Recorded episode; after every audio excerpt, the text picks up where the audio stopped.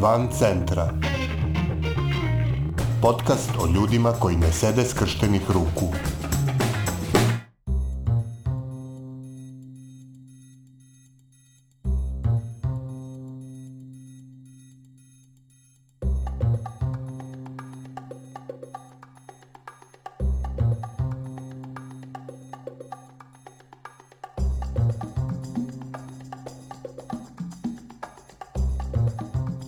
33. epizoda podcasta Van centra, koji prati napore ljudi iz cele Srbije da poboljšaju kvalitet života u svojim sredinama.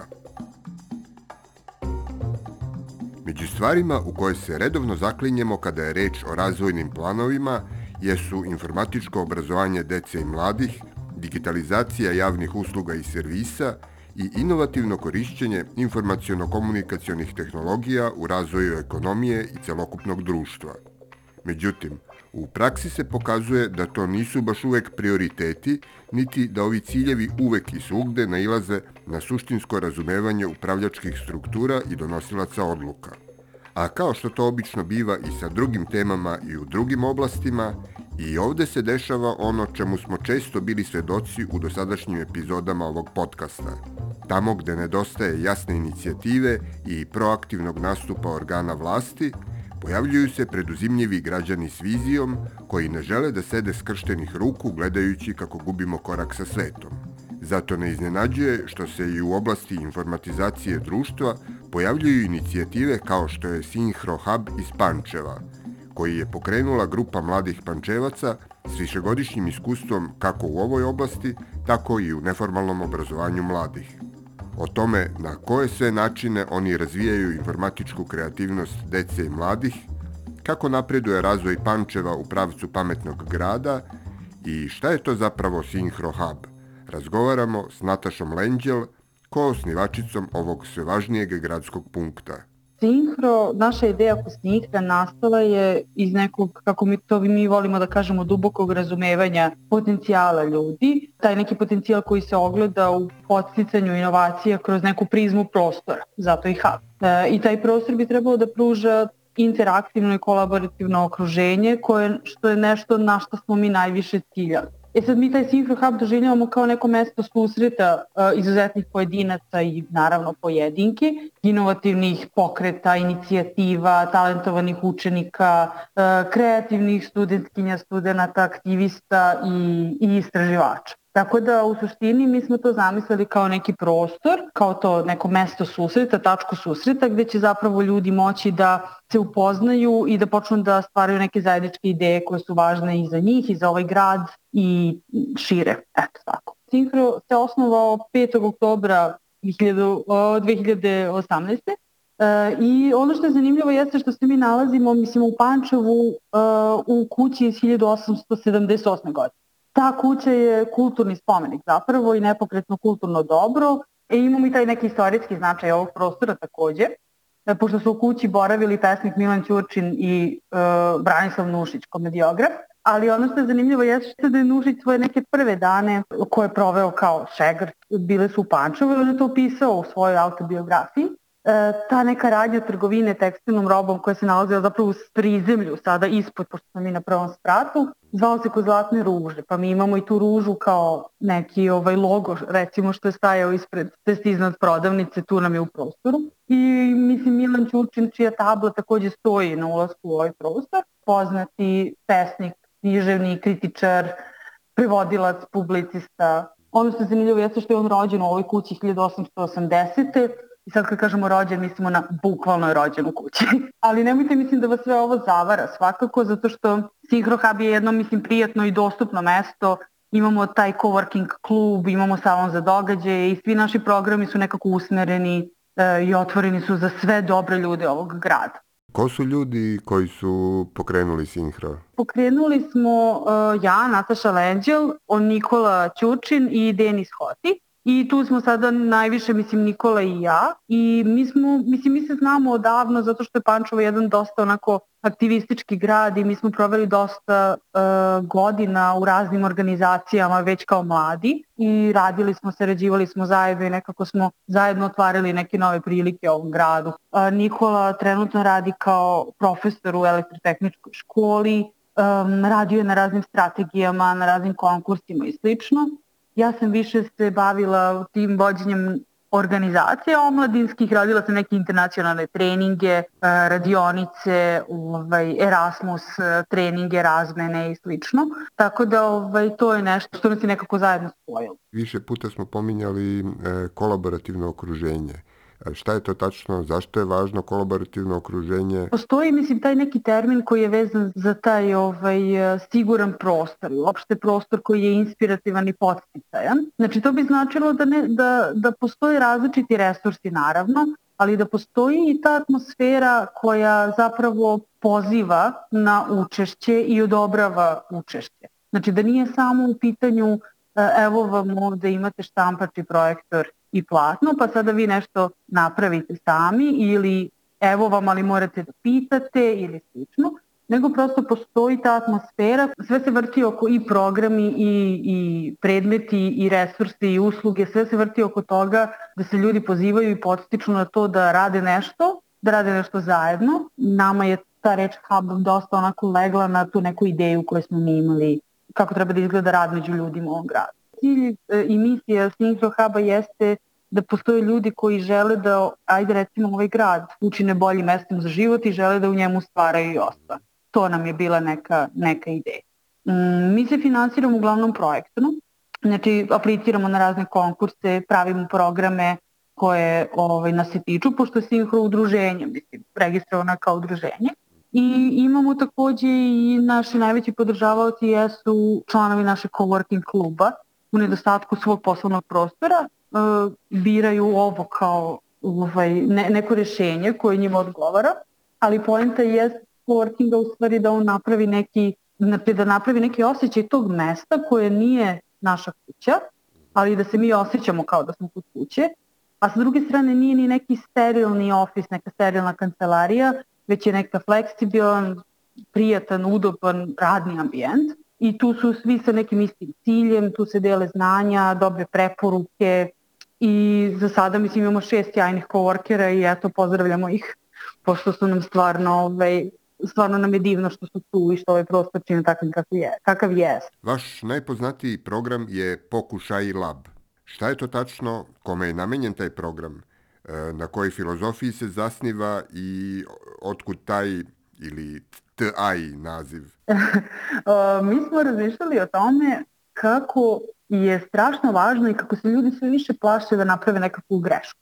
A greške su, mislim, krucijalni deo ne, stvaranja nečega i jako mnogo različitih pronalazača zapravo je imalo dvadesetak pokušaja i kako to kažu failova, to je ovaj, neuspeha pre toga i onda je ostvarilo neki uspeh. I onda se ljudi tako, pošto niko ne priča o tim neuspesima, koliko priča o uspesima, ljudi često imaju utisak da prosto nisu nikako ovaj, oni kompetentni, da oni nemaju neke veštine i znanja da nešto urade, zato što svaki put kad nešto uspeju njima, uh, pokušaju njima ne uspe. Mi smo onda hteli da nekako napravimo da počnemo da gajimo tu kulturu još od malih nogu, da je ok imati neku praksu i, i ne uspeti puno puta, dok god imaš ljudi koji će da ti kažu, koji će da nam kažu možeš ti to, hajde pokušaj ponovo, hajde da vidimo šta nije bilo dobro. Ne znam, čak i programeri kada prolaze kroz kod i vide da nešto ne radi, moraju da se vrate kroz kod i da poprave ili da unaprede ili da nekako, mislim, taj, da naprave taj korak malo lakši.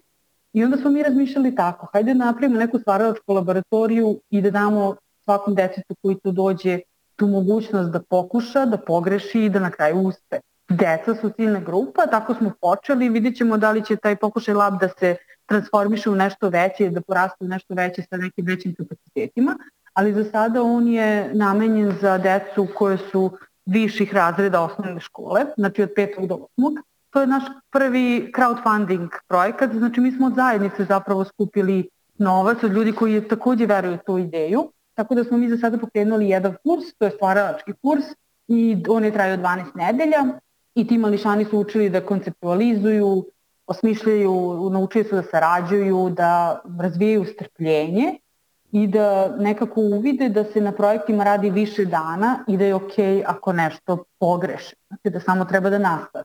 Taj program za klinice se sastojao iz četiri neke tematske celine, tu je bilo i robotike, bilo je i preduzetništva i on je, e, imali smo, ne znam, i game design, znači oni su pravili svoje društvene igre, smišljali kako da se stigne do cilja, mislim, to je bilo toliko zabavno, ja ne mogu da, ne mogu da vam opišem koliko je to super. Osim za decu, Synchro je otvoren i za mlade kroz program Space for Youth. E, kako to funkcioniše i koliko to liči na koncept e, kancelarije za mlade? Space for Youth je, um, on je nastao prvenstveno iz nekog odgovora na, mislim, celu ovu COVID situaciju, jer su dolazile različite organizacije i žalile se na to kako moraju ne menjaju, mislim, višegodišnje svoje programe. Znači, na primjer, udruženja koje drže predavanja u školama, kad sada kada ni škola nema svoje ovaj časove, uh, bilo je jako teško da se da, da oni zapravo ispune svoj, svoj glavni program i bila im je potrebna pomoć da nekako te programe, da, da, da ih nekako ponovo osmisle, da ih prilagode situaciji. Takođe im je bilo potrebno, dosta udruženja je dolazilo i prijavljivalo to da zapravo sada e, ima problem sa tim da zadrži svoju, ne znam, kancelariju, radni prostor, da se sastaje, pošto već imamo prostor koji je, ovaj, koji, koji je tu pa je tu. E, mi smo njima na, obezbedili dva stola kao coworking stola da oni mogu zapravo da dođu u paru ili po jedan i da završe neke poslove koje bi možda, to rad, možda radili u kancelariji. I dali smo im salu za sastanke do 10 ljudi, pošto toliko nam je ovaj, dozvoljeno i onda su oni imaju i projekat, projektori platno, tako da mogu te konferencije da održavaju ovde, mogu svoje upravne odbore da održavaju ovde. Sad neki sledeći korak Space for Youth programa koji smo mi zamislili jeste podrška i jeste neki trening koji se davno nije desio u Pančevu, to je trening za pisanje projekta. I još jedna komponenta jeste da se obratimo i nekim mladima koji nisu u udruženjima kako bi ih zapravo povezali, pošto smo rekli da je ovo mesto povezivanja, da napravimo neku opciju toga da njima damo neke isto korisne savete, na primjer kako da napišu svoju biografiju. Aplicirali smo na par mesta pa čekamo da vidimo da li ćemo proći. Ako sam dobro shvatio, vi imate i neke radionice kreativnog pisanja. O čemu se tu radi i za koga su te radionice? Te radionice su, mi zovemo DIY, to, je, to bi bila skraćenica za do it yourself, ali mi smo nekako skratili to kao digitalno informisani mladi, to je youth. To su radionice gde smo mi osmislili zapravo da na koji način mladi mogu da pišu za mlade o temama koje se tiču mlade. Tako da je tu neka trostruka, ovaj, trostruka obuhvaćenost. I hteli smo da im damo priliku i da im damo malo ovaj, veština oko toga kako da napišu neki novinski tekst, neku vest, neku objavu, kako da uh, neke prateće vizuale dizajniraju, fotkaju i slično. I treća stvar, kako da naprave neki prateći video koji će da upotpuni njihovu vest. Prva grupa je bila eh, eto sredinom ovog meseca. Bilo je osmoro eh, mladih koji su zapravo bili u dve grupe i pišu neka dva teksta koji će kasnije da izađu na jednom od lokalnih portala. Tu je ideja da prosto čujemo glas mladih, znači da oni nešto pišu na način na koji oni žele. A druga stvar jeste da napravimo i tu neku priliku za njih da nešto probaju da rade po prvi put, da probaju da naprave nešto sami i da to mogu, na primjer, čak i da linkuju u svoje sobstvene biografije. I drugi deo tog projekta je takođe snimanje ovaj, podcasta, to je podržali smo naše koleginice i aktivistkinje koje rade već podcast, koji su počele sa podcastom Pančevo. Kakvu saradnju e, ima Sinhro s lokalnom zajednicom, a možda i sa lokalnim vlastima ako postoji? Mm, pa u suštini za sada nismo imali neke posebne prilike da, da, da toliko sarađujemo sa lokalnom vlašću. I nešto što jeste dodirno jeste taj neki projekat koji imamo sada vezan za e-servise, to je te usluge. E, to je promocija digitalne agende i e-usluga u Pančevu, tako nam se zove taj projekat. I tu mi radimo različite stvari koje imaju neke dodirne tačke, pa ćemo da vidimo to je tek negde, taj projekat traje 18 meseci, a skoro je nekako počeo, tako da nam je sad istraživanje o korišćenju i kvalitetu tih javnih e-usluga ovaj, u toku. Trebalo bi da imamo 600 ispitanika na tom istraživanju, što bi uh, trebalo da bude vrlo onako istraživanje koje ćemo koristiti i kasnije i prosto i druga udruženja mogu da koriste kasnije u poboljšanju tih e-usluga. Imaćemo, ne znam, 10 video tutoriala kada budemo saznali šta je to što građani Pančeva budu imali da kažu o, o korištenju i kvalitetu tih javnih e-usluga. Onda ćemo moći da snimimo 10 video tutoriala u odnosu na to kako se koriste te usluge ili šta njima najviše škripalo u odnosu na, na eto, rezultate istraživanja. Pa smo, ovaj, imamo te radionice sa medijima, imamo radionice sa udruženjima i imamo radionice sa predstavnicima lokalne samuprave. Što se tiče projekta koji smo pominjali, Pokušaj Lab, tu smo mi uh, svako, kontaktirali svaku školu, međutim to je bilo naravno pre nego što je pandemija počela.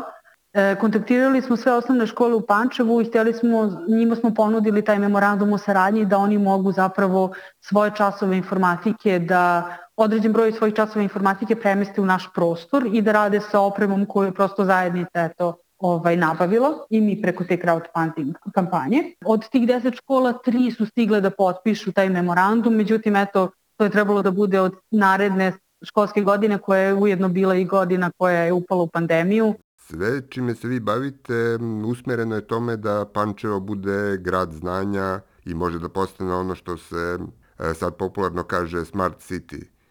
Koliko je Pančevo blizu ili daleko od toga, šta vas tu koči na tom putu, a šta vas e, postiče i daje krila? I mi se konstantno pitamo to. Znači, jeste to neka ideja i jeste to neki san jako puno ljudi odavde. E, mislim da je to, što se tiče realizacije, dosta još uvek daleko, ali mislim da što se tiče planiranja nije toliko strašno daleko. Ja mislim da Pančevo ima jako puno potencijala da to bude, zato što kako postoji to, ovaj, uh, ta ideja tog kao Goldilocks, nečega što je dovoljno blizu i dovoljno daleko. Pančevo je dovoljno blizu Beograda, studenti ne odlaze, ne odlaze, ne sele se radi studiranja, tako da svoje slobodno vreme i dalje provode u Pančevu, a dovoljno je veliki grad da prosto postoji ponuda, a pristupačan je, opet je nekako manji od Beograda, znači nije ga pojela ta neka metropola, te multietnička sredina, mislim kažu da Pančevo ima 26 etničkih uh, ovaj, zajednica, tako da mislim to je jedan lep opis Pančeva. I nekako baš je ovaj, mislim, šareno je i, i ljudi su naučili da, da tako i treba da bude. I mislim da postoji jako dobra atmosfera da ljudi vole ovaj grad i oni u njemu žive i ostaju i ne sele se, mislim, redko se sele stvarno. Um, znači, postoje različite neke stvari koje sada zapravo baš rade na tome da Pančevo bude nešto što je grad po meri ljudi. To može da bude i to koliko, kako ljudi doživljavaju zelene površine. E, ne mora sve da se kažu kao objesti i da imamo automatska vrata koje se otvaraju, ako se vrata na dobrom mestu, tu gde ljudi zapravo žele da prođu, ta vrata su smart, to je pametno. I to je ono nešto što nas posebno nekako uzbuđuje, zato što mi svi bismo želeli da vidimo da ovaj grad bude baš onako kako ga mi zamišljamo. Naravno, mislim da ima jako puno koraka do tamo. E, prvi korak je najteži prvi korak je uvek uključe najviše planiranja, tako da ja mislim da mi jesmo taj, taj jako veliki korak, e, da smo na njega ono izgazili odlučno. Tako da to stvarno jeste dobro pitanje i koje, ovaj, koje jeste nešto što je gde pripada, mislim, neka veća slika gde pripada i ovaj hub i, i sve što smo pomenuli do sada. Bila je ovo epizoda Van Centra za 28. april 2021. godine. Nove priče o ljudima koji ne sede skrštenih ruku moći ćete da čujete u sredu 5. maja. A umeđu vremenu pridržavajte se mera zaštite od koronavirusa, čuvajte svoj i tuđe živote i ne ćutite pred glupošću i nepravdom. Van Centra je autorski podcast koji se realizuje uz podršku građanskih inicijativa. Stavovi izneti u emisiji nisu nužno stavovi redakcije podcasta Van Centra, niti udruženja građanske inicijative. Redakcija Tara Petrović, Miodrag Mrkšić i Aleksandar Gubaš. Urednik i voditelj Aleksandar Gubaš. Muzika i Logical Beat i Ben Sound.